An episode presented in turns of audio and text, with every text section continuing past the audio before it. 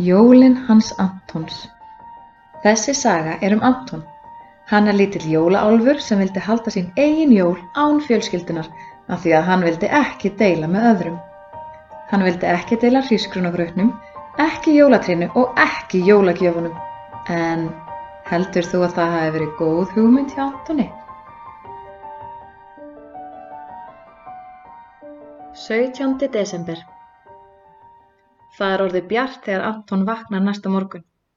Hann er hissa á því að hafa ekkert heyrt í hananum. Skildi hann vera veikur eða hægtur að gala? Þegar hann sest upp man hann að hann er ekki rúminu sínu heima. Hann er einn í kofanum við skógin og hann er heima hjá mömmu og pappa. Þau eru öruglega komin á fætur fyrir lungu. En hann er svo heppin að geta sofið eins lengi og hann vill. Anton tegir úr sér og gispar og stekkur svo fram úr rúminu. Ah!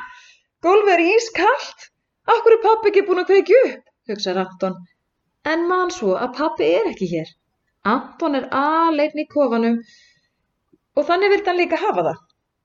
Anton sparkar í eldiviða hverfinu þegar hann sér að hann tóm. Hann er búinn með eldiviðin og nú þarf hann að fara til skó og sapna saman þurrum greinum til að geta kveikt upp í opnunum. Vindurinn hvín og blæs þegar hann opnir dyrnar. Hann er að sapna saman eldi við þegar hann heyrir hvin í loftinu og hann er nærri fókin um koll þegar hann sér mömmu, pappa og Alfred þjóta fram hjá stóra sleðanum sínum. Nú hafa þau verið í heimsókn hjá frændagamla til að sækja jólasaftin út á grautin eins og þau gera fyrir hver jól.